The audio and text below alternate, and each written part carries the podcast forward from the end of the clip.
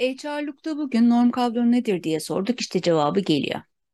Norm kadro her bir pozisyonda görev alacak kişilerin belirlenmesi işlemleri. Her pozisyonda doğru sayıda doğru bilgi beceri ve yetkinlikte kişilerin çalıştırılması gereklidir. Bu amaçla norm kadro çalışmaları yapılır.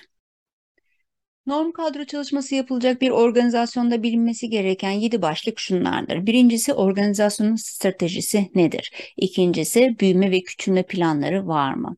3. Faaliyetlerin yapılış şekli nedir? 4. Faaliyetlerin yapılması istenen şekli nedir?